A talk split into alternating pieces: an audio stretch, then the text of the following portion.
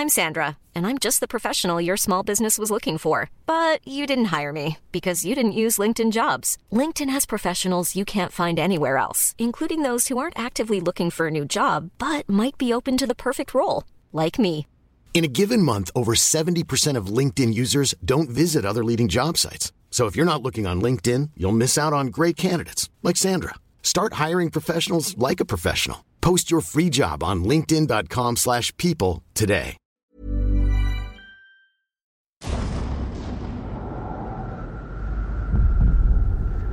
I'm going to give the people what they want sensation, horror, shock. Send them out in the streets to tell their friends how wonderful it is to be scared to death. Välkommen till skräckfilmscirkeln, mina damer och herrar. Idag är det dags för ännu ett avsnitt av eh, Stephen King. Tyvärr så är det här lite sent, det är inte Year of the King längre, men jag varit lite så här, äh, men vi måste ha Stephen King med i alla fall. Det här ska vi dyka in i en skrämmande värld, lite kusligt. Så att greppa tag i biostolarna, ta och le lite. För nu kommer leksakerna och attackerar oss. Vi ska prata filmmusik och ett avsnitt från antologiserien eh, Nightmares and Dreamscapes. Så hur känner du Fredrik? Är, ehm, har du respekt för dina leksaker? Jo då, det har jag. Eh, mest känner jag att det är skönt att vi äntligen gör det här avsnittet. För det här flaggade vi för för tre avsnitt sen. Sen kom, han, kom det så jävla massa saker emellan. Så. Ja, det, ibland så. Och idag, eh, till skillnad från förra gången, så har jag en röst att prata med. Tack och lov att eh, 1177 hjälpte mig till en ordentlig allergimedicin. Eh, det, det var inte kul att vara utomhus när det blåste precis in till alla träden. Dels så vart man gul på grund av all pollen. Och dels så liksom, kunde man knappt andas sen till slut. Läget med dig i övrigt då? Jo men det är ganska bra ändå. Sommaren börjar ju titta in här nu. Men visst, Eskilstuna är som Eskilstuna är tyvärr. Eh, och vi har ju precis, nu när vi sitter här och spelar in så är det ju bara timmarna efter det här stora slagsmålet ute vid Munktellarenan som har lämnat fyra ja, tonåringar eh, knivskurna, varav två ganska allvarligt. Det, åh, det, det, det liksom, verklighetens skräck gör sig plötsligt påmind igen här. Så ja, heppeli hepp. Det är märkliga tider vi lever i. Jo, det är Annars sant. är det bra. Ja, jag har, eh, jag har sagt jobb. Det är typ vad jag har gjort. Och vi har fått tre stycken nej.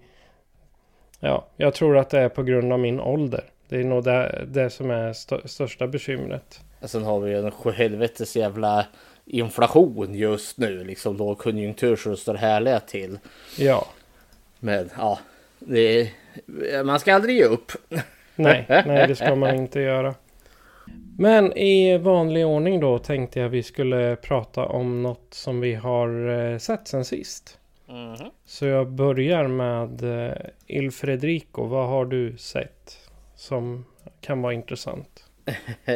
Jag har sett en hel del som har varit ointressant ändå. Jag har varit lite på en blast from the past här. Jag såg om Underworld. Eh, nu ska vi se, jag tänkte säga Mila Jovovich men hon är ju inte med i den. Nej. Eh, hon är ju med i, vad heter det, Resident Evil. Kate Blecken, Beckinshaw Sale. Eller Ja. hon. Där. Eh, från 2003 där den såg jag om. Vampyrer vs varulvar. Hej hopp. det var väldigt fånigt. Men ganska underhållande. Men hon Beckinsale, det var lite så här, eh, som jag säger, en, en, en crush. För alla killar när det där kom. Säg någon, så- alltså, säg någon som inte var eh, betuttad i henne liksom. Eh, sen såg jag om Dom-filmen. Den första av de två nu som finns.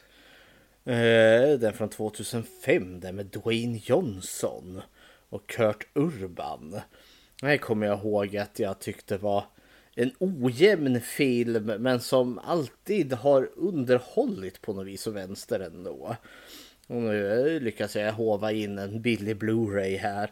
Så eh, ja, eh, men det var kul ändå. Lagom dum men påkostad film ändå.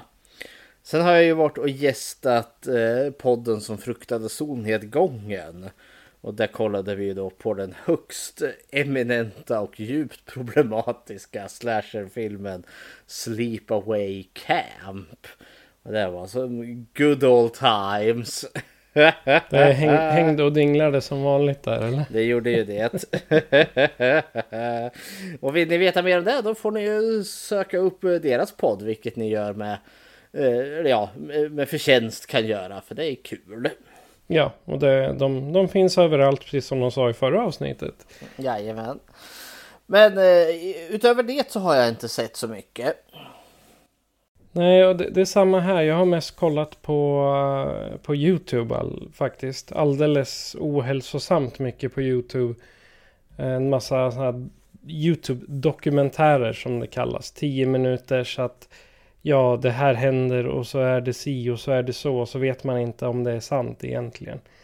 Men eh, jag hittade lite intressant om det här med bedragare runt om i världen. Och då är det en kille ifrån jag kommer inte exakt ihåg var han, var han bor, men hans eh, YouTube-kanal heter Pleasant Green. Då fick han ett sms där det stod Hej, jag kommer ifrån och sen någon lånbyrå. Och jag tänker skriva av alla dina lån. Ring mig på det här numret. Och han ringde ju inte, men han svarade på meddelandet. Åh, vad bra. Vad kan... Eh, hur kan du göra det? Och så började det.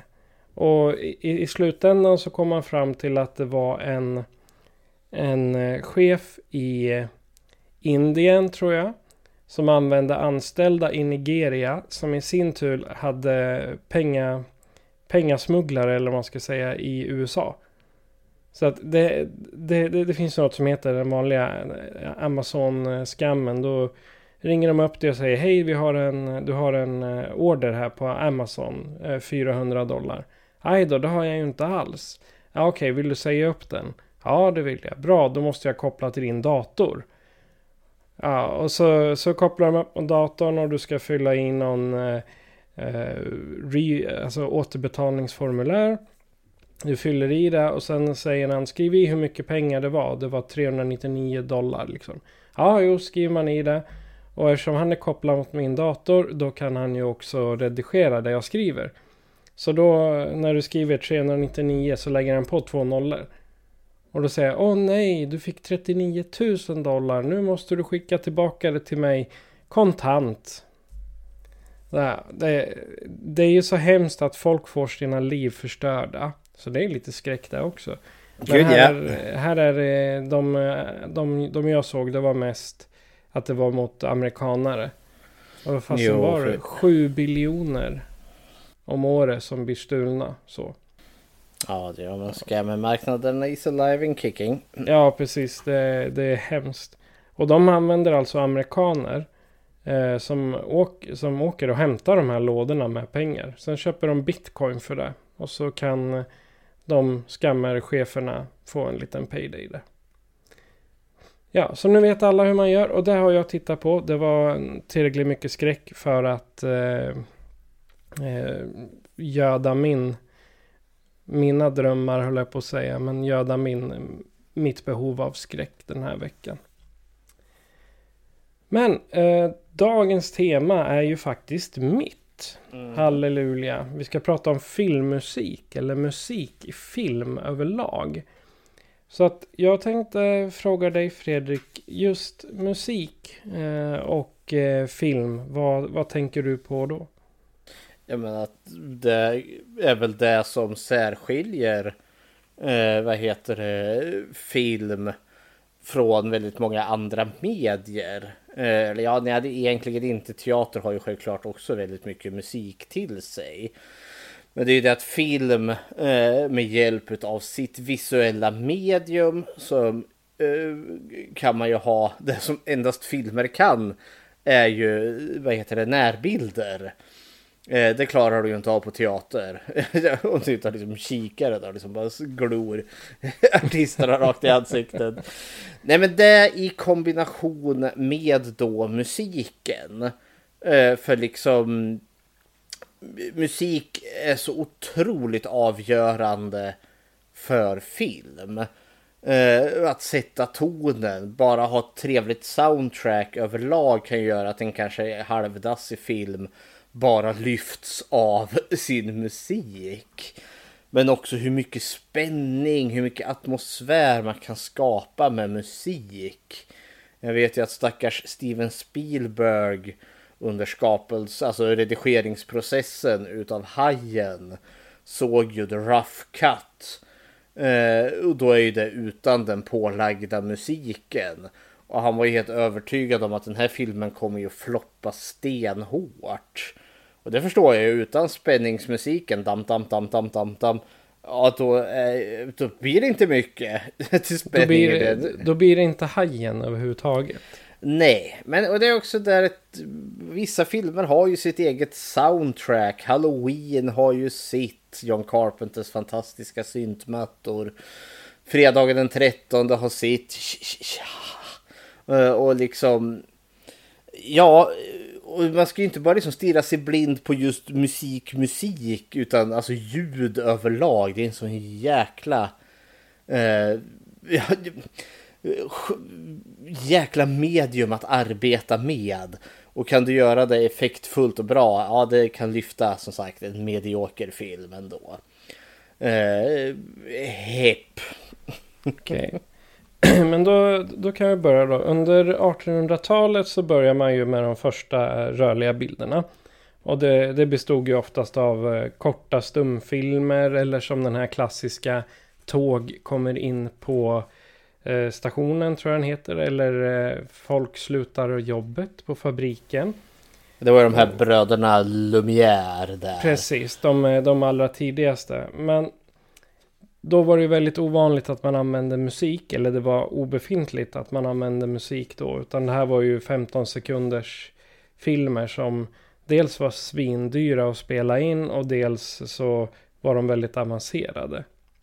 Men istället så tänker jag att vi börjar från början på 1900-talet. När den filmtekniken vi kända, känner idag utvecklas både tekniskt och dramaturgiskt. Då, då blir liksom behovet av musik till filmen uppenbart. Bristen på tal gjorde att eh, man verkligen behövde ha någon form av stämningssättande Eh, musik eller ljud. Så. Och då, då började biografer anställa eh, exempelvis pianister som fick sitta och improvisera till filmerna på filmduken. Och ofta så spelar de populär musik, särskilda kompositioner eller så skapar de egna melodier bara för att matcha händelserna på duken. Så med andra ord kunde de här så kallade eh, biografpianisterna, de kunde ju styra hur filmen skulle upplevas. Gud, alltså det... Jag tänker på vissa stumfilmer som jag har sett. Jag vet att jag har mm. sett Nosferatu, den här från 22. Det är en sån här, jag vet inte om den är public domain numera. Men då har jag också liksom sett alltså, då har man ju komponerat ihop den med public domain musik, alltså oftast klassisk musik. Och det matchar ju inte för fem jävla öre. Så liksom, jaha okej, nu kommer greve Dracula och smyger här. Och så ska det vara spännande musik. Men så är det typ Vivaldis eh, glattigt liksom tralleri trallila. Jaha okej. Men vi gjorde ju, och det är ett bra avsnitt. Jag rekommenderar er att gå tillbaka och lyssna. Eh, Körkaren. Körkaren. För där gjorde man ju faktiskt ett egenkomponerad musik som skulle passa. Mm till det som hände på bild. Så jag tänker de pianisterna som du nämnde där som matchade till filmen. Mm. De skulle jag ha högre betyg istället för den idioten som bara satt och spelade Mors lilla Olle om och om igen. Ja, definitivt. Men just de här eh, pianisterna som de, de anställde på biografer ute i, i landet, de mindre biograferna, de hade ju inte råd med vad som kom lite längre fram. Så under 1910 och 1920-talet så började de här större biograferna i större städer. De installerade mer avancerade ljudsystem. Så till och med sådana som man kunde spela olika instrument. Typ, ja men tänk en tidig synt ungefär. Och särskilt i storstäderna, där hade man i vissa biografer till och med egna orkestrar. Bra exempel på det, det är att titta på Singin' in the Rain. För där har de en hel jätteorkester med till den sista, eh, sista stumfilmen som de visar upp. Ja, och där har du också den här roliga lilla du kanske kommer in på det sen, också den här cl clashen som uppstår när stum uh, skådespelarna ska gå över att gå till mm. att prata. ja. Men som sagt, te tekniken utvecklades ju hela tiden. Och precis som i alla andra branscher var det någonting eh, filmbolag älskade så var det ju pengar. Och nu kommer man ju på det att ja, men vi har ju en grammofon. Så att i samband med att de distribuerade filmerna till biograferna, ja då skickade de också med en grammofonskiva som de kunde köra under tiden. Så pianisterna och musikerna, de kunde ju se sig i skyn efter jobb på en biograf. Men som sagt, det här var ju ofta de mindre biograferna som fick eh, själva skivorna. För det var ju ändå exklusivt att gå på bio med en levande orkester. Och då kunde du säkert skryta med, för då var det inte kreti och pleti som satt vid i orkesterdiket där utan då var det ju någon remitterad pianist och någon dirigent jävel där. Så jag ja. tänker då, då, då var det lite extra exklusivt bara för det. Ja.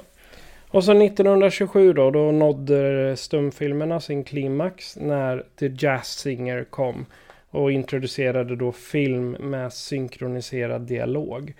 Som med andra ord vart den filmen början till slutet för den eran, 30-åriga eran av stumfilmer. Och då kommer vi in på det som vi kan kalla talfilmen. Och här har jag delat upp den musiktypen och musiktekniken man använder på respektive tiotal.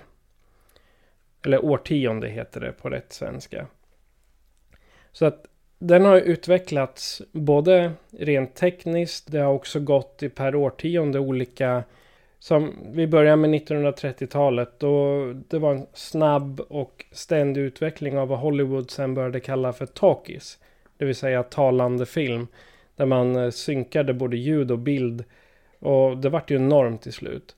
Och på 30-talet då har vi ju kompositörer som Max Steiner han skrev musiken till Casablanca och Borta med vinden. Och så Alfred Newman som eh, skrev musiken till Svindlande höjder. De var ju de främsta pionjärerna inom filmmusik vid den tiden. Och sen kom vi till 40-talet. Big Band-eran plus ett krig då. Och filmduken dominerades av swing och jazzmusik. Och exempelvis Duke Ellington, Benny Goodman och Glenn Miller fick plats för att skapa musik. Och vi ska ju nämna här att Trollkarlen från Oz och Singin' in the Rain är de helt legendariska som spelade, spelades in under det årtiondet. Och Singin' in the Rain kom ju inte förrän 1952 men det spelades in under 40-talet. På 1950-talet kan man säga att det vart som en renässans för filmmusiken. Då fick man upp, uppleva fylliga bombastiska orkesterlåtar med svepande stråkar, stora blåsfanfarer och ungefär den eh, typen av ledmotiv som vi använder idag. Och då har vi ju exempelvis Bernard Herrmann, eh, Resan till jordens me medelpunkt. Och Miklos Rocha som skapar musiken till Ben Hur. Och Dimitri Tomkin som gjorde musiken till Strangers on a Train. Och alla vet ju, eller alla, de, de flesta vet ju vad det är för filmer och vilken stor musik det är till dem. På 60-talet så avvek man från de här traditionella or orkesterbaserade musikspåren när man alltså, än en gång började mixtra lite med nya tekniker eh, 40 år efter den första förändringen man började blanda in rock och popmusik som, ja, som, som var populärt då. Och vi har exempelvis Henry Mancini. Vet du vem det är? Henry Mancini, jag, jag tänker bara på Harry Manfredini och det är fel Ja. gubbe. Nej, Henry Så- Mancini är han som har skrivit te- originaltemat till Rosa Pantern. Ja, ja, Ja. ja. Och sen har vi Ennio Morricone som eh, skrev temat till För en handfull dollar och Burt Mm. Bacharach. Casino det- Royale då. That's, that's some good shit. Det var liksom början till det vi har idag kan man säga. Mhm. Och på 70-talet då kan man säga att det är den definitiva födelsen av den moderna filmmusiken som ja, det är egentligen det som har blivit standard idag. Och då har vi exempelvis Jerry Goldsmith som eh, tog den absolut första samtida approachen genom de symfoniska elementen och syntljud. Exempel är ju John Williams när han gjorde musiken till Star Wars, Hajen och Superman. Och sen ska vi absolut inte glömma John Carpenter för Halloween då. Det, jag, jag glömmer inte honom. Nej, fördelen här är väl liksom som om man nu tar Carpenter som ett exempel här är ju oj, oj, i, i förhållande till hans film där Halloween från 78 är ju att med hjälp av synten så behöver du ju inte den här jätteorkestern utan som Carpenter han komponerade ju musiken själv Ja, i stort sett. Och det är ju, ja, plötsligt finns det möjligheter även för den lilla människan att göra en film med ett kick-ass soundtrack. ja. Och John Carpenter var faktiskt en av de första att använda syntar. Han var lite före sin tid. För på 80-talet så blev det en betydligt större förändring i själva musiken. Med tanke på att syntarna vart billigare. Det blev billigare att spela in. Och det vart en mer avancerad teknologi helt enkelt. Men jag, jag tänker bara, vid 80-talet hade ju bara liksom en enorm Alltså det var ju the sound of the 80s, Alphaville och liksom hela där liksom Ja. syntmattorna därifrån. Så ja, det är inte så märkligt. Och framförallt så under 80-talet var man mer generös med att ta in populärmusik i soundtracken.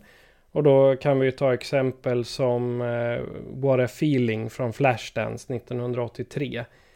Och nu, nu kommer inte jag ihåg alla exakt eh, radiodänger från 80-talet men Tittar man i filmerna så du, du kan hitta mycket radio populärt i under, under 80-talet. Jag tänker på Fame också. De gick ju varma de låtarna. 90-talet så har vi Hans Zimmer, James Horner, Danny Elfman. Då, då kommer ju också Lejonkungen och Edward Scissorhands. Som eh, Zimmer och Elfman var med. Och det här, här har man liksom tagit ihop den 50-talets bombastiska musik tillsammans med 80-talets eh, syntande. Och framförallt så skrev man låtar speciellt för filmen. Det hade man gjort innan som var instrumentala men här så tog man in Ja, Disney är ju inte så konstigt för där sjunger de sig igenom halva filmen men låtarna han, handlade specifikt om filmen även fast det- det... var text. Liksom. Ja men det var väl liksom så, ja, The Circle of Life där som, det är väl Elton John som gör den. Nu vart jag osäker men... Jo, det, är- det är Elton John. Han gör, han gör nästan all musik i Lejonkungen. Mhm. Ja nej men och, och det var ju också awesome. Eh, liksom, för då får du ju den kopplingen, liksom populariteten som han för i, i, sam, i samarbete med Disney där då. Det var ju en jävligt lyckad kombo. Definitivt. Men 2000-talet, då kom man ännu en gång tillbaka till den här riktigt episka musiken från 50-talet. Man, syntarna fick stiga åt sidan lite grann och istället så eh, kan man ju tänka på eh, mu- musikstyckena till Sagan om ringen, Harry Potter och Narnia. Men det är ganska bombastiska arrangemang här som eh, man liksom återvänder till. För det hade man haft, man hade relativt sparsamma eh, arran- arrangemang mellan eh, 60 och 90. Ja, men, och det är ju det är ju inte liksom bara ta en titt på de filmerna och sen kopplingen tillbaka till det bombastiska 50-talet. Jag menar Spartacus, Cleopatra och alla de där liksom matinéfilmerna. Det var ju stora episka filmer. Då behöver de ett stort episkt soundtrack. Samma med Sagan om ringen. Det, liksom, det går hand i hand. Du kan inte ha Sagan om ringen och ha en fet syntmatta. det, hade, det hade säkert varit coolt, men John Carpenter ska inte göra musiken till Sagan om ringen. nej, nej det, det, hade inte passat. Och så då vårat eh, senaste årtionde, 2010.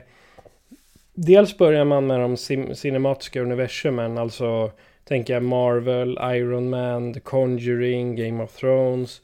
Och just de här eh, filmerna så har vi de stora, stora kompositörerna. Allan, Allan Silvestri, Ramin Djawadi, Ludvig Göransson.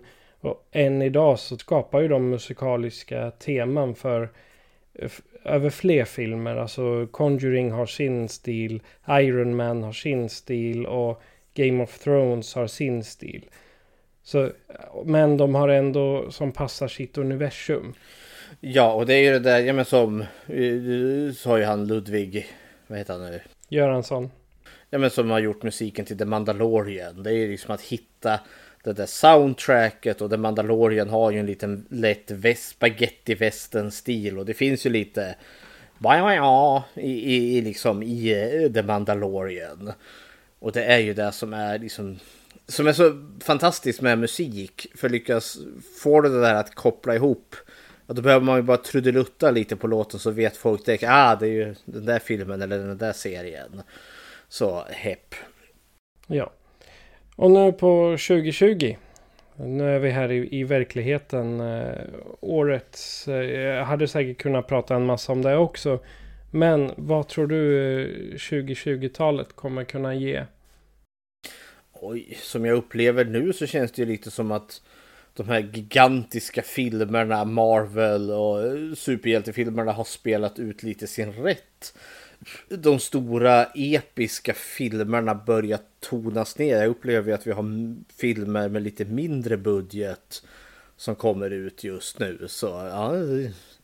Ja, men sen har jag några tankar om eh, musik som har alltså, speciellt med bara skräck att göra. För när ursprunget eh, till skräckmusik, som vi pratade om det innan, vampyrer, eh, monster, spöken. Man kan spåra den ända tillbaka till stumfilmen i stort sett. De här spöklika melodierna på piano. Man, man, man, kan ju tänka sig hur de här biografpianisterna hade att göra för att verkligen hålla Nosferatu läskig. Eller så kommer det någon och spelar The Entertainer och gör det till en satir istället. Men en av de mest karaktäristiska egenskaper som jag tycker skräckfilmer har är när man använder de särskilda, alltså speciella ledmotiv som ständigt återkommer. Och där har vi ju exempelvis då Halloween. Så fort Michael Myers är i närheten. Och det här har de ju tagit upp i tv-spel också. Jag tänker när vi spelar uh, Dead by Daylight. Men det börjar låsa dunk dunk dunk dunk när mördaren kommer i närheten. Ja, det, och där är det ju mer egentligen för att det är musik som kickar igång så är det ju liksom ett bultande hjärta som intensifieras vartefter mördaren kommer nära. Så där har du ju liksom skapat spänning utan eh, alltså ha musik som säger att det ska vara spännande. Utan snarare bara anspela på ljud. Eh, som gör det då spännande. Ett bultande hjärta liksom. Man hör det panikartade andningstagen där liksom som intensifieras. Då liksom bara det skapar ju lite spänning. Precis, så i själva skräckfilmerna kan man säga att tystnaden eh, kan vara lika kraftfull som musiken. Strategisk tystnad tror jag jag läste med eh, till. Eh, då bygger man upp en spänning, en känsla av förväntan och med andra ord släpps vi av mitt i ingenstans i typ vår egen fantasi. Sen när tystnaden har varit ett tag så säger det bara bu. Där har vi våra jump scares. Ja men det är uppbyggnaden till en väldigt klassisk jump scare. Och, och där kan man ju köra den där fake-outen att vi har musiken som stegrar och stegrar och stegrar. Men så kommer det ingen jump scare så blir det tyst istället. Ja. Och så går det några sekunder och då smäller det. Ja. Så det, det är en sån där, när man har sett alldeles för mycket skräckfilm, man har riktat liksom, nu blir det tyst, ja då är, då är vi sekunder ifrån en jump Så att musik som hör till skräckfilmerna är ofta fyllda med dissonans, oroande ljud som inte är vanliga. Jag tänker Motorsågsmassakern. Alltså det, det skapar ju inte bara att kroppen börjar spänna sig och att man börjar känna efter att nu, nu kommer det snart, nu, nu, nu smäller det snart. Utan det är mera en känsla av att här är det något som är fel och det känns konstigt för det är ljud vi inte hör så ofta. Mm. Ja, men det är liksom, musik kan ju verkligen göra så mycket. Motorsåg är ett väldigt bra exempel på där vi, alltså, Motorsågsmassakern har ju inget soundtrack utan den har ju snarare ljud till sig. Eh, och liksom som är obehagliga, olustiga. Det är ju det som kanske är tjusningen med en skräckfilm. Att eh, det är den bland de få genrer förutom kanske arthouse då. Som kan komma undan med att ha ett eh, oharmoniskt ljud. För att det kan skapa en känsla utav liksom obehag och irritation. Och det kan liksom, ja det funkar inte i Sagan om ringen. Där måste vi ha ett specifikt sound. Exakt. Men så som nu senare då det blir moderna innovationer som man eh, benämner det. Är att man eh, utvidgar ljudpaletten när vartefter det kommer fram alltså ovanliga instrument. Eh, så ja, men vi, vi, har exempelvis Get Out från 2017, Hereditary från 2018. De har ju ganska innovativ musik. Plus att eh, musiken de har förstärker liksom både särskilt de övernaturliga elementen. Och sammanfattningsvis kan man ju säga att musiken i skräckfilmer ska ha kraften att föra oss in i en värld av skräck och spänning. Och genom åren så har det varit kompositörer som har, alltså de har, de har fått hitta på instrument, de har fått hitta något sätt att göra ljud för att få, få till något annorlunda och med en dissonans som ingen känner till. Och då jag, jag återkommer till Motorsågsmassakern. En sån enkel sak som bara en, var det en ostämd fiol eller vad det nu var de använde. De har ju så mycket grejer i den att som är värt att notera eh, framförallt när, liksom, när ljudfilmen vart ett faktum är ju att du måste ju ha ett ljud för allting. Det behövde du ju inte innan. Exempelvis du måste ju ha hur ett pistolskott låter. Och ett pistolskott låter inte samma sak som ett gevärsskott så då måste vi ju ha det. Hur låter det när hästar galopperar, liksom kloppandet? Och hur låter det när hästar rider på sand? Hur låter det när hästar rider på asfalt? Hur låter det när hästar rider på och så vidare, i vatten och så vidare och så vidare. Och det är där liksom att hitta ljuden eh, och skapa soundtracken exempelvis. Hur låter det när Michael Myers stöter kniven i en kropp? Hur får du det ljudet? Det har ju varit väldigt mycket hugga knivar i vattenmeloner och sådana saker. Och där kan jag ju tipsa eh, om en fantastisk film som heter då The Berberian Sound Studio från eh, 2012 är det väl. Som handlar just om eh, en man då som ska göra ljudeffekterna till en jallofilm. Eh, och då ska han ju hitta liksom, hur låter det när man drar någon i håret? Ja, då står han där och drar blasten utav räddissor och liknande. Hur låter det när någon får skallen krossad? Står han där klafsar med eh, ja, innanmätet på en vattenmelon med en hammare och sådana saker. En sån fånig detalj som en återkoppling till förra Evil Dead Rise när hon, eh, morsan där, biter ögat utav den här mannen och spottar ut den. När hon biter, då är det faktiskt ljudet utav Bruce Campbell som biter i ett äpple. där och då. Så det, det, är också värt att notera just när det är som man snackar eh, alltså musik eller ljud i film. Man var ju tvungen att uppfinna liksom alla ljuden. Det, var, och det, det är där man ska komma ihåg. Det är så otroligt jävla mycket som måste läggas in. För den här boom-miken den tar inte upp så mycket. Utan det är exempelvis ja, men prasslet från eh, papperspåsen som karaktären har med sig från matvarubutiken. Det måste läggas in. Eh, stegen eh, från, från fötterna, eh, från skorna. Allt. Det är så otroligt jävla mycket så det är en jättegenre i sig. ja, kära värld. Ja, men det är mina tankar och eh, fakta som jag har läst mig till om just eh, musik i film och eh, historien kring det.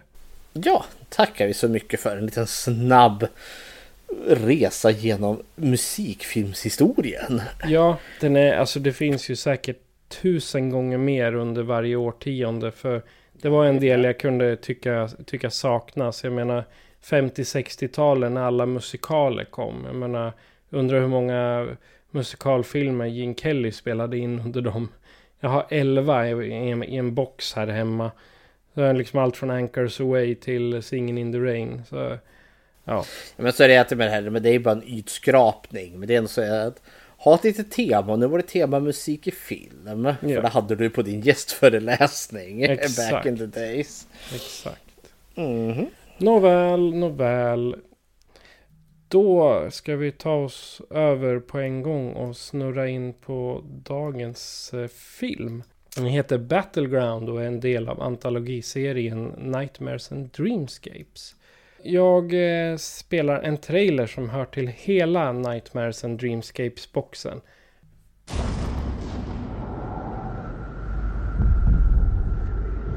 He brought you the Green Mile. The Shawshank Redemption. And The Shining.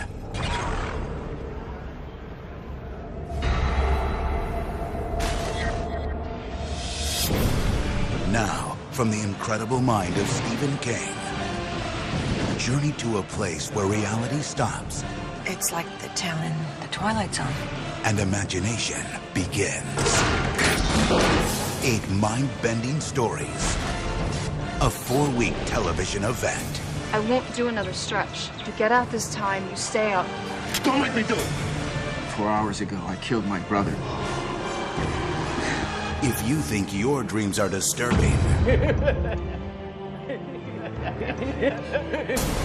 imagine the nightmares of Stephen King. What are you, some sort of a horror movie guy? Nope, Clyde, I'm a literary guy.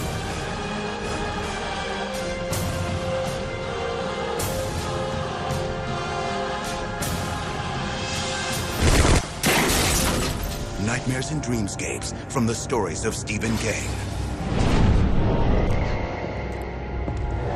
This July, only on TNT.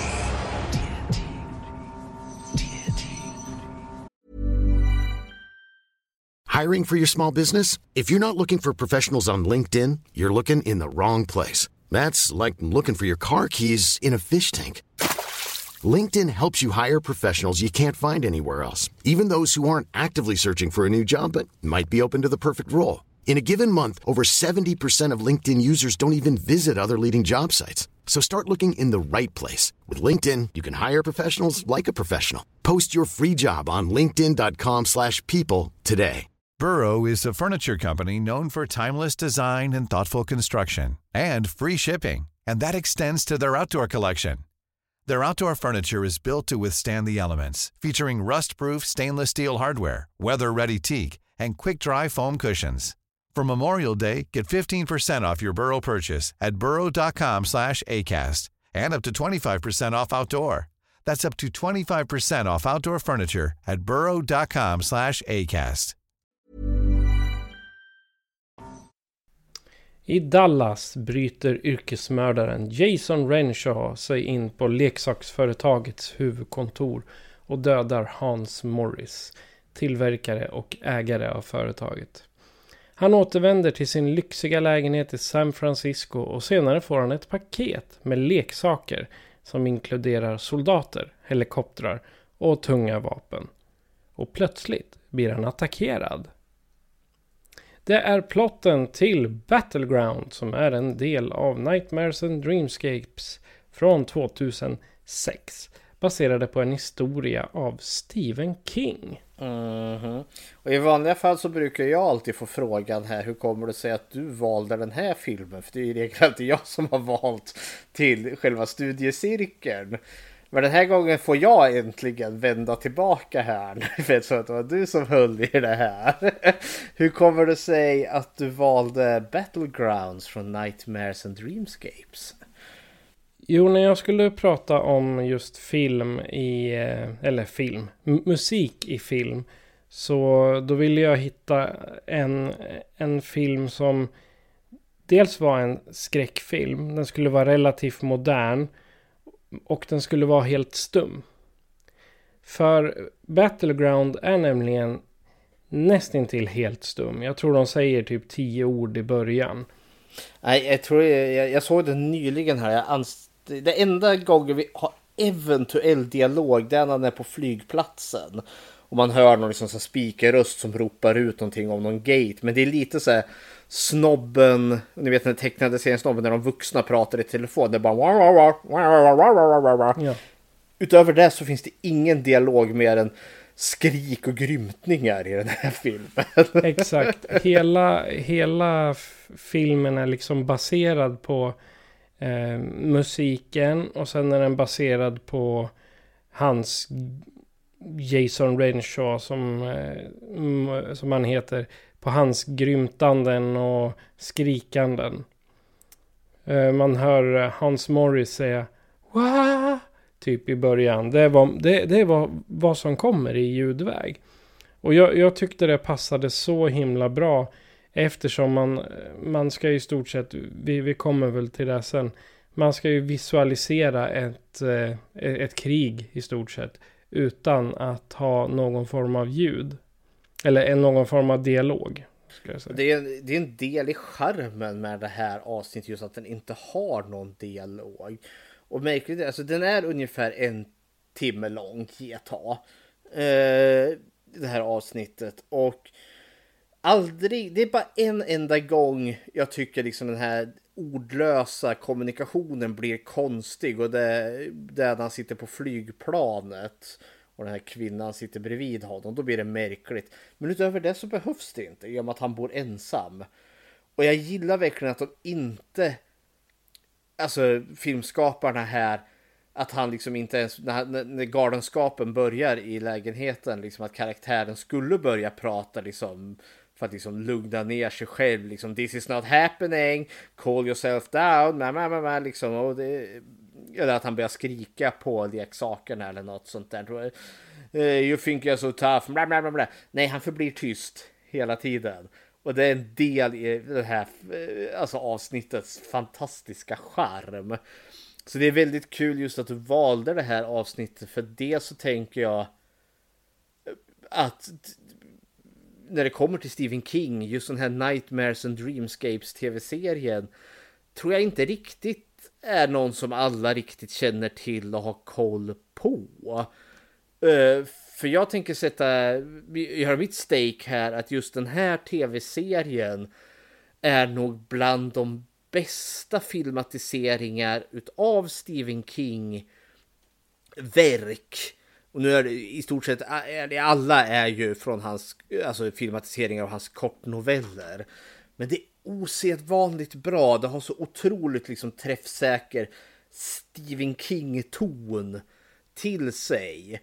Och av just i den här samlingen antologier så är ju Battlegrounds det avsnittet som sticker ut extra mycket i en ansamling korta berättelser som redan är jävligt bra så är den här lite bättre ändå. Men jag, jag gillar hela Nightmares and Dreamscapes egentligen. Jag menar, en, en av de här avsnitten som jag trodde var baserat på King själv.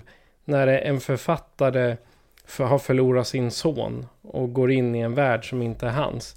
Och det verkade vara någon form av mass... Eh, masspsykos. För jag har, när jag har läst på nätet så är inte jag den enda som trodde det. Nej, Kings alla barn lever. ja, precis. Hans son har väl precis skrivit en bok. Eller han, har väl, han skriver väl böcker överhuvudtaget. Ja, det är Joe Hill där. Han har skrivit ett x antal böcker. Han kommer ta vid när pappa, eh, vad heter det, lägger skrivmaskinen på manteln där då, då är det Joe Hill som är det nästa Stephen King. Det har han redan sett till. ja, det vore, det vore kul. Men jag, alltså jag, jag hade så... Det, det, blev verkligen den här filmen för att den var stum, det var, den var så himla beroende av sin musik och eh, jag tyckte om alltså, handlingen överhuvudtaget plus tänk, tanken på den. Och det är också eh, bakgrundshistorien till den här är ju att det här är också en av Stephen Kings absolut första. Det här är ju innan han får sitt genombrott med Carrie. Utan det här är ju verkligen från hans fattiga dagar. Eh, då han liksom skrev korta liksom små små noveller. Den här är liksom Battlegrounds är sju sidor lång. Och jag för mig det som, kör, det, det som man sålde det till det var Playboy. Eller Penthouse, någon utav, ja, en, en porrtidning rätt och slätt. Men jag läser den bara för artiklarna. Sen har ju den kommit tillbaka i och hamnat i ja, eh, alltså novellsamling då. Lite lustigt nog så är just Battleground inte med i novellsamlingen Nightmares and Dreamscapes utan den är med i Skeleton Crew. Eh, men i, i filmatiseringen av Nightmares and Dreamscape så var den här för bra då så man plockade in den här också. Eh, nej men det, alltså konceptet är ju enormt pajigt egentligen för det handlar om en man som strider mot de här arméleksakerna. Eh, men det är gjort på en väldigt seriös nivå. Och det tror jag väldigt mycket beror nog på exempelvis William Hurt. En sån riktig alltså A-listad skådespelare som spelar den här mannen då. Den här lönnmördaren som eh, blir ansatt av eh, leksakerna här sen. Och det funkar. Och sen är det också liksom hur de har filmat leksakerna är också ganska kul för det är väldigt lite CGI i den här. Det är väldigt mycket praktiska effekter och så då filmat med lite hjälp av green screen och på lite smarta sätt. Så ja, hej hopp. Det, eh, det här avsnittet är ett treat kan jag avslöja. ja, oj, jag måste bara ta en slurk kaffe här. När, när jag tänker på ehm, just den här filmen så har vi ju inte så mycket vi har inte så mycket karaktärer att prata om för vi har bara en och det är mördaren. Ja, pyttelite har vi om han leksaksmakaren där då. Exakt. Eh, Morris där då. Men liksom, han är ju liksom uppsett upp som någon... Alltså det, det är mycket liksom egentligen som börjar liksom ställa lite frågetecken om man börjar tänka lite kring varför skickas en lönnmördare till att mörda en, eh, en leksakstillverkare? Vi får ingen förklaring till varför. Jag antar att det är någon ekonomisk deal här. Någon som vill utmanövrera honom. Frågan är om han har haft skulder till typ maffian eller att han inte vill betala beskyddarpengar eller något sånt där. Jag tror det är någon som musklar sig in här för jag tänker det, det, finns ju lite kittlande undertoner i det för eftersom att leksakerna kommer ju här för att hämnas honom. Så vi har ju en övernaturlig eh, twist här. Och eh, det finns ju också starka indikationer på att det är den här leksakstillverkarens mamma som är den som skickar leksakerna. Eh, så då får ju mig undra eh, att liksom tas, tas han ut för att de med hjälp av magi har gjort sig till en så otroligt liksom powerhouse.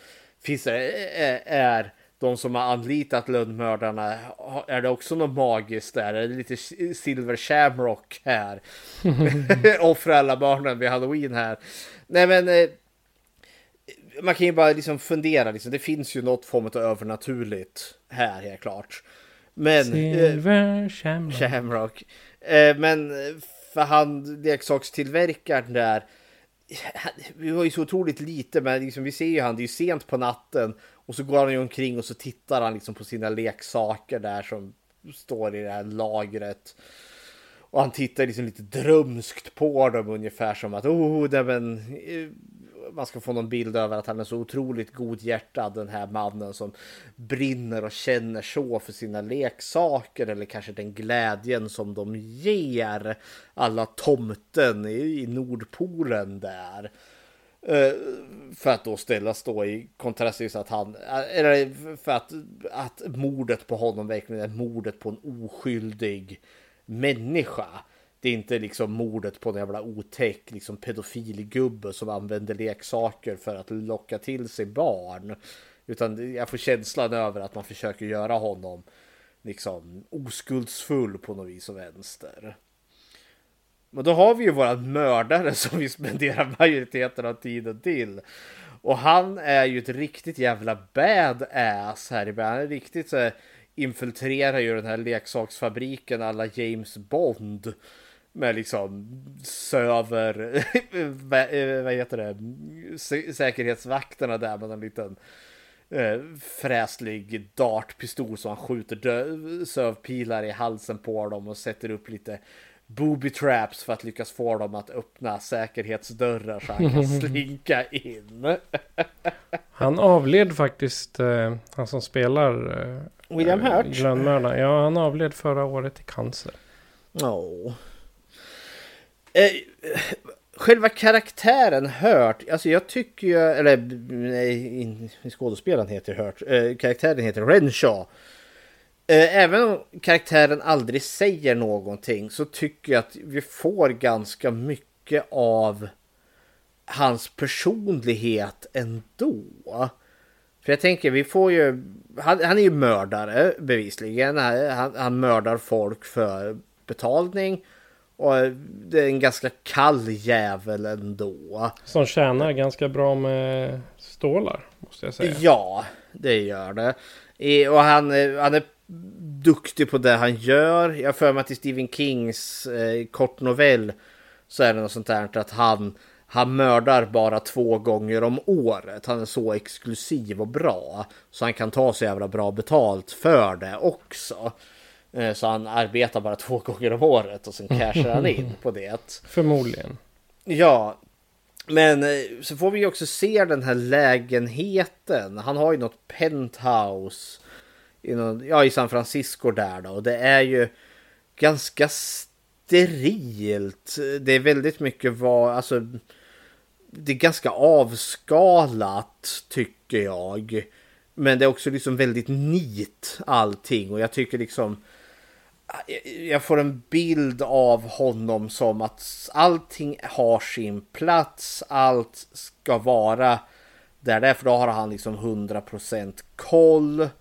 Så han har liksom, han det är en människa med ett enormt kontrollbehov och det skvallrar väl lite om att han kanske är så bra i sin lönnmördarbransch för när han får ett kontrakt, som, eller när han tar ett kontrakt, då gör han en jävla massa research så att han liksom kan göra det här mordet på det bästa tänkbara sätt så att han verkligen kommer undan.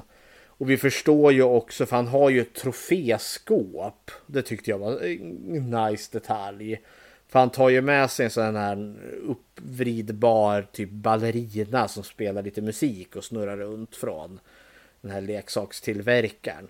Och den ställer han ju ett skåp och i det skåpet så står det ju liksom, jag vet inte, en brevpress, en ikon eh, på Jesus, en brevkniv, alltså något som han har bara tagit, en alldaglig grej. Och det förstår man, det är ju liksom någon memorabilia från eh, ett mordoffer som han har tagit. Han verkar ha så här som alla andra mördare att han tar troféer. ja, han verkar göra det i alla fall. Men så får också känna han, han måste ju vara enormt jävla ensam den här människan. För det, sitter ju inga, det finns inga bilder på några nära och kära. Uh, han drar inte igång någon klassisk musik utan han bara sitter, han sitter där och liksom har sitt uh, funktionella högteknologiska hem. Och liksom, ja, han tar sig ett glas vin, det noterade jag. och han har den här, eh, vad heter det, poolen som liksom går från insidan till huset till utsidan på huset. Det var Ganska jättepopulärt ett tag. Jag var ju det. Men jag tänker liksom det vad, vad den här människan gör för att underhålla sig. Jag tror liksom det här är inte en människa som är ute och partypartajar mellan morden. Han, han sticker inte ut på krogen och slår runt på någon exklusiv maffiakrog eller något sånt där. Jag får känslan av att den här människan går omkring och så går han och kanske äter på dyra restauranger. Köper sig en fräslig, liksom fin klocka, har märkeskläder eller något sånt där. Eh, det är den bilden jag får av honom. Det är liksom en otroligt kontrollerad, fyrkantig människa som lever sitt liksom inrutade liv här. Och det är därför liksom det blir en ganska kul kontrast för hans lägenhet blir ju the battlegrounds. Det är ju kaos kvar av lägenheten när det här lilla äventyret är slut. uh, vad jag gärna vill, vill diskutera det är hans sinnesstämning när han kommer. Alltså han ser inte ut att ens tycka om att komma hem. Nej, alltså det här, jag vet liksom inte, det det är en människa som inte lever det är svårt att... Varför gör den här människan som han gör? Han verkar inte ta glädje i någonting överhuvudtaget. Eventuellt kanske när han utför mordet där då han bryter sig in. Det är då han kanske lever upp. Sen lever han liksom bara i någon form av förväntan liksom inför nästa mord som han ska göra. För det är en väldigt kall och karg människa som jag upplever honom. Nåväl, eh, vi, platsen är ju lite svår att, att, diskutera eftersom vi är bara på, i hans lägenhet hela tiden. Men jag måste säga att den är ganska saftigt påkostad överhuvudtaget. Det är, det är en takvåning. Eh, en, en ren gissning, hur mycket tjänar han på en, ett mord? Det måste vara miljon när den här människan hovar in ändå.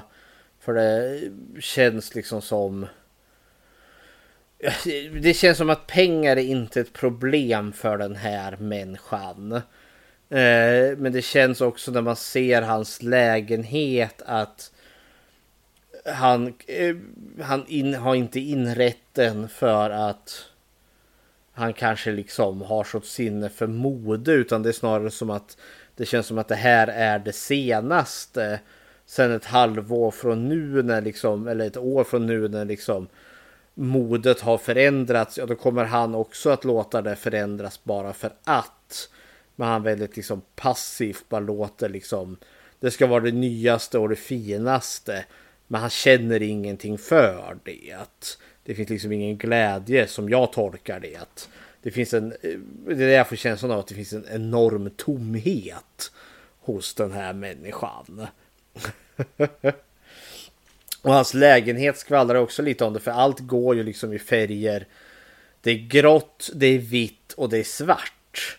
Det är de färger som finns i lägenheten och det är liksom allt. Det är väldigt släta väggar, det är blanka ytor.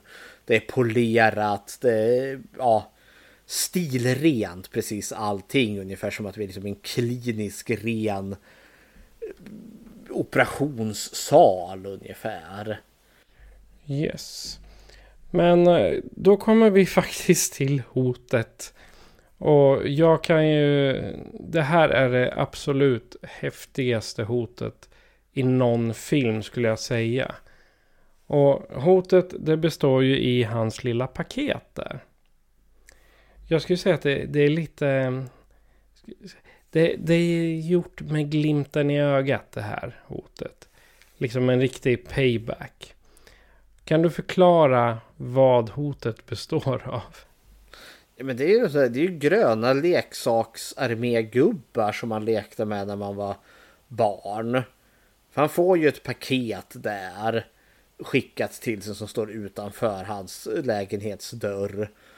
Eh, som han öppnar med största försiktighet för han är ju paranoid den här gubben. Och det är då han känner igen handstilen. Påminner ju honom om eh, ja, eh, leksakstillverkarens mammas handstil som man läser där på det här fotot. Eh, men alltså det är ju de här gröna plastgubbarna som kommer till liv och attackerar honom. Om och om och om igen. Men de är ju liksom lilleputtar. Så han är ju Godzilla stor i deras jämförelse. Men de gör ju skada. Och det är verkligen så här death by a thousand needles. Liksom. Han, han, han nöts ju ner. Liksom, de här små, liksom, visst de står ju och skjuter på honom med automateld, men det blir liksom som myggstick. Men det är liksom, det är hundra myggstick på liksom tio sekunder. Ah, det gör ju ganska ont. Och sen attackerar de ju honom med artillerield och det smäller ju lite mer. De spränger ju knät på honom exempelvis. och det är liksom när det börjar göra skada och något, de attackerar ju honom med helikoptrar också.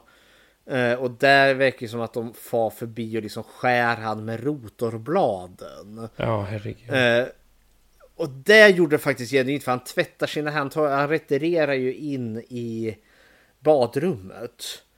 Och där tvättar han ju händerna. Och då ser man ju där är makeupen jäkligt bra. För där kan man verkligen se att det finns djup i såren när han tvättar rent dem och det gör ont. Men det är ju verkligen en eskalering. Alltså det som börjar liksom kanske lite mer så, oh, de här myggsticken, sen är det liksom mer stick, ner stick. Och det är liksom det, det är en eskalering från den här människan som är så van vid att ha allt, allt på sin plats, allt är under kontroll. Till och med att han tappar kontrollen. Och i slutändan liksom nöts ner långsamt men säkert. Och jag tänker liksom, det blir ju den här blodförlusten. Eh, alltså han blir successivt svagare och svagare. För leksakerna i sig, alltså en liten grön gubbe. Jag tänkte, det känns ju inte som att det är så farligt, men det är ju liksom de här liksom nålsticken mot hälen om och om och om och om och om igen. Det tar liksom inte slut. Förr eller senare går han i backen. Och det, det, det är det jag gillar den här eskaleringen. Ja, det går verkligen upp, upp, upp, upp, upp, upp, upp. Mm -hmm. Ja, kära. Sen kommer det en ganska kul twist, eller en liten knorr. Som, som sig bör alla Tales from Crypt liknande. Alla Stephen King. Ja, här har man, man har ju tweakat lite såklart för att det ska bli mer filmvänligt. Men det är ju han, han, lyckas ju besegra de här gubbarna, armégubbarna efter mycket om och men och tror ju sig att han har klarat det här. Men han har ju inte riktigt kollat noga på boxen för det står ju att det finns ju en överraskning mm. I den. Det finns en G.I. Joe typ där. En lite större leksak typ till Commando, typ Rambo-liknande figur. Ja, det, han ser verkligen ut som Rambo ja. där också. Och han är ju, och det för mig vart det symbolik, för det är ju den som han kommer clasha med i slutet. Då han åker som på mest stryk dessutom. För de andra är ju verkligen liksom armégubbar som försöker med någon form av strategi och liksom skjuter artilleri, eld och understöd och sådana saker. Men den här Rambo-leksaken är ju liksom, ja, Rambo, om man tar det, han är ju the ultimate killing machine. Han är ju liksom den värsta, liksom, den bästa mördaren i Wheat Kong där som, eh, eller i Afghanistan när han är där. Eller Burma är han väl också i fjärde filmen där. För det blir verkligen liksom, för det, nu står han inför en, dockan då, en professionell mördare, precis som han själv är en professionell ja. mördare. Eh, och det verkar ju också som att den här Rambo-dockan har ju en plan. Precis som han har haft en plan när han mördade, vad heter det, leksakstillverkaren där. Så liksom, han, blir ju fast i en hiss där i slutet. Och det visar ju sig, som jag tolkar det, så är ju liksom den plan den här Rambo-dockan har, liksom att tvinga in honom i ett trångt utrymme. Eh, och så är han fast i fällan där. ja, men det, jag, den har en väldigt bra twist tack vare att eh, liksom the toys fights back. Liksom. Det, jag, jag har varit... Eh, det är underhållande och sen samtidigt han eh, hans tankar när han ska göra motstånd mot de här små. Han tar sin pistol och skjuter. Ja, enklast hade det är så himla amerikanskt. Jo, enklast hade det varit bara, bara Godzilla stompar dem till döds. Kan jag tänka mig. Men sen finns det också den här aspekten. När han är verkligen nära slutet där. När han känner att han måste retirera. Han liksom, innan han går in i hissen. Då ser man att han tar ju med sig någon sån här magnet. Eh, som sitter på kylskåpet. Där det står liksom in emergency call 911. Han kan ju inte riktigt, han har inte kunnat göra det för han är ju en mördare. Han vill inte ha dit polisen som börjar undersöka. Han har ett kabinett fullt med, eh, vad heter det, troféer från hans tidigare mordoffer. så liksom, ja. Så kan man ju undra liksom att grannarna inte har reagerat eftersom att det har utbrutit krig in i hans lägenhet. Tänkte att någon annan kanske borde larma eh, portvakten där eller något sånt. Tydligen så, så, så händer ju inte det med andra ord. Nej.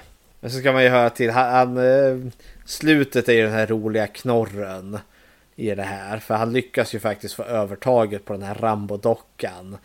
Men det visar ju sig att det är ju för intet.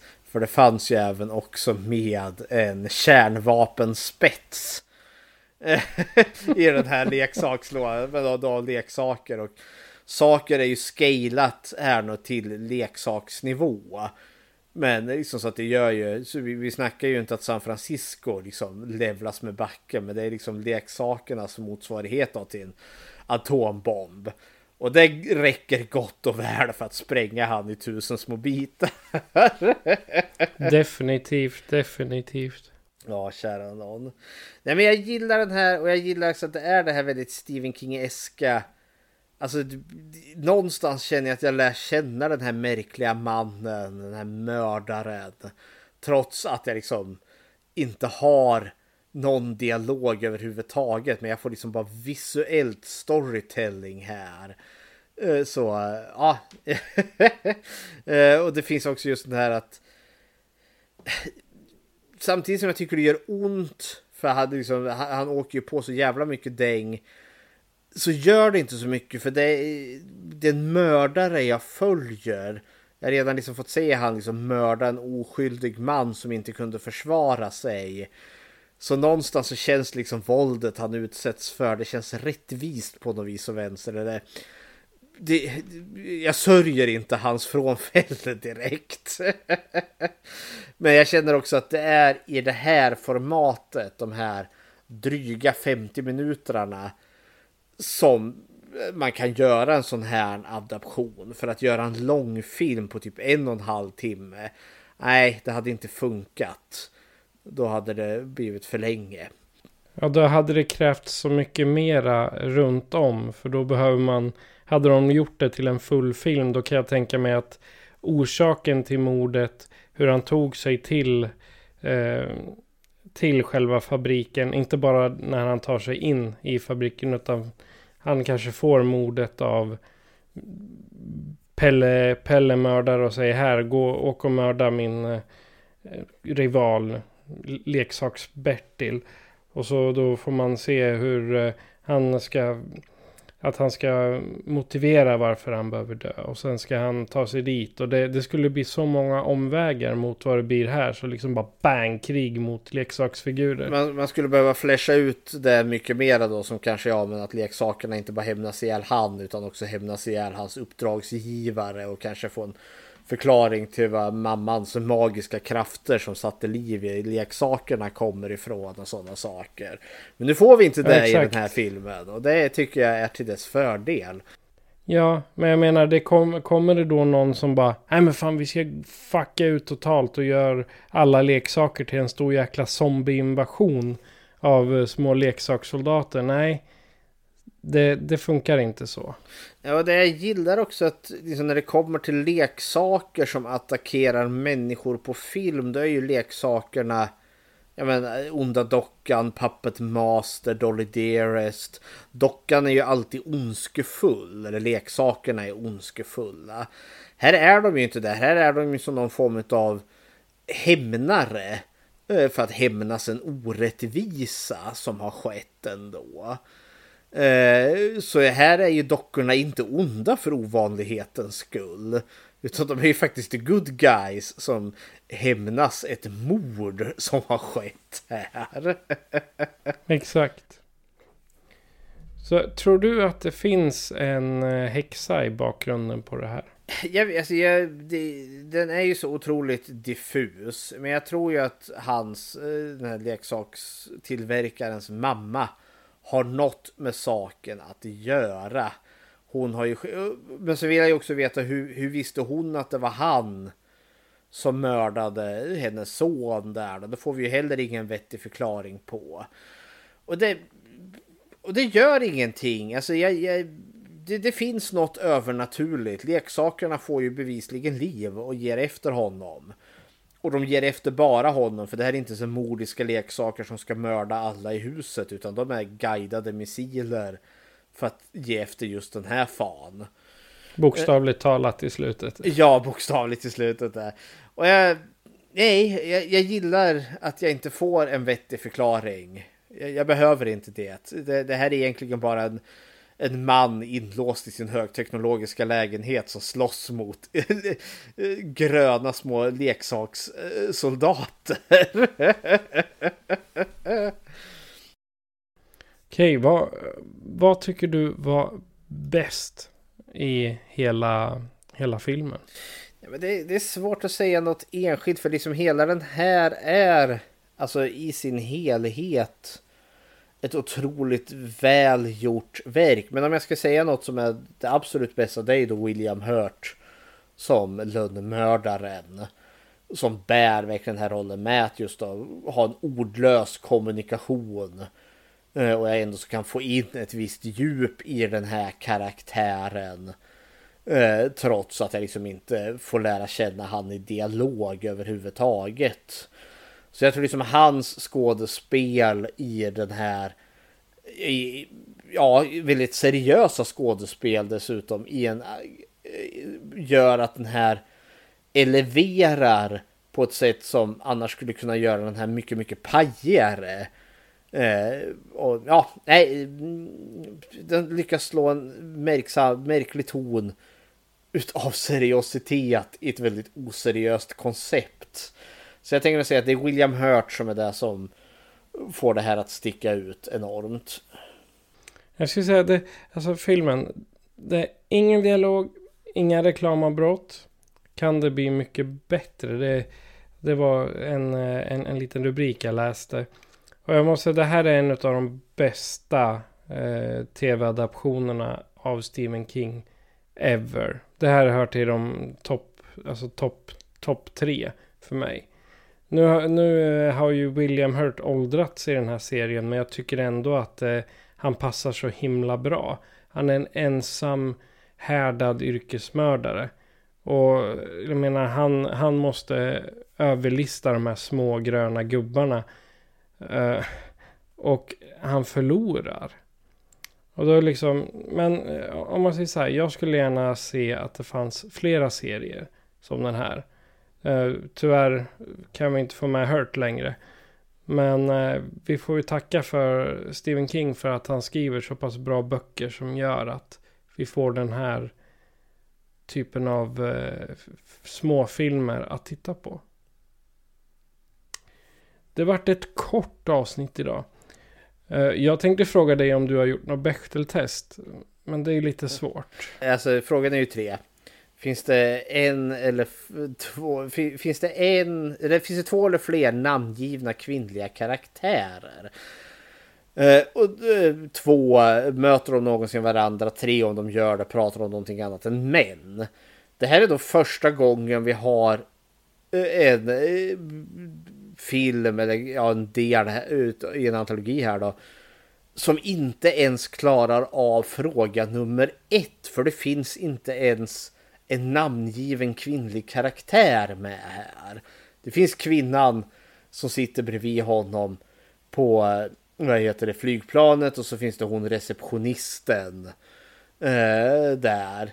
Mors... De är namngivna Beautiful Passenger ja. och Front Desk Clerk. Den enda som har ett namn det är väl mamman där då. Nej, Hans eh... Morrises mother är hon skriven. Ja, som. men det är ju Mrs Morris då om inte annat.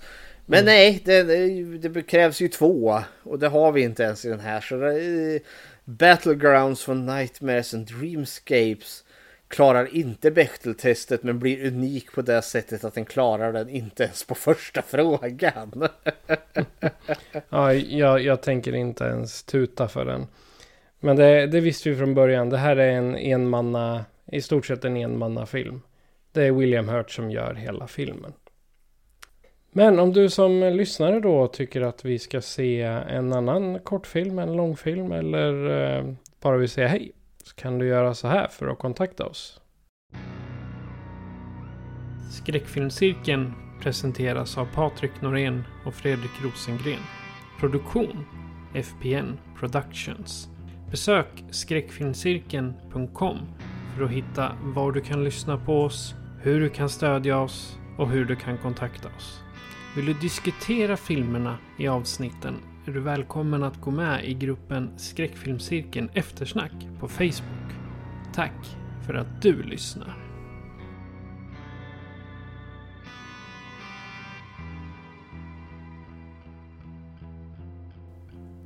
Och Fredrik, vad bjuder du på nästa gång? Eller vi, mm. sagt. Nu fortsätter vi eh, The Year of the Shark här. Måste vi fortsätta nu. Och då kommer vi göra det med en double bill. Eftersom att det här är filmer som är lite av samma typ.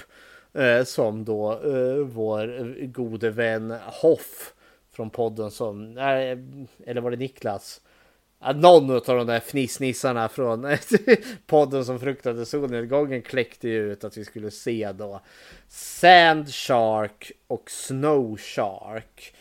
Eller och Snow Shark är väl mer kanske känd då, eh, som uh, Avalanche Shark. Så nu tar vi oss en titt på riktigt pajiga och lökiga filmer här. Så båda de finns på Amazon Prime. Ja, det kan jag tänka och mig. Och i min DVD-hylla.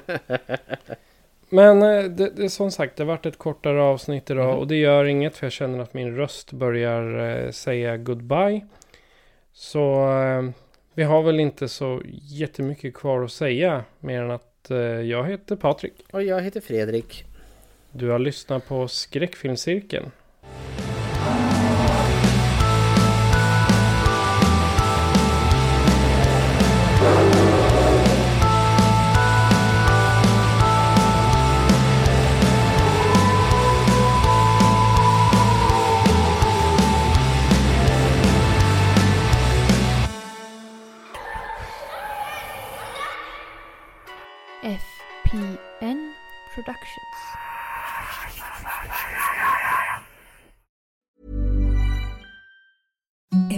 Softest sheets you've ever felt. Now imagine them getting even softer over time. That's what you'll feel with Bowl and Branch's organic cotton sheets. In a recent customer survey, 96% replied that Bowl and Branch sheets get softer with every wash. Start getting your best night's sleep in these sheets that get softer and softer for years to come. Try their sheets with a 30-night guarantee. Plus, get 15% off your first order at bowlandbranch.com. BUTTERY. Exclusions apply. See site for details.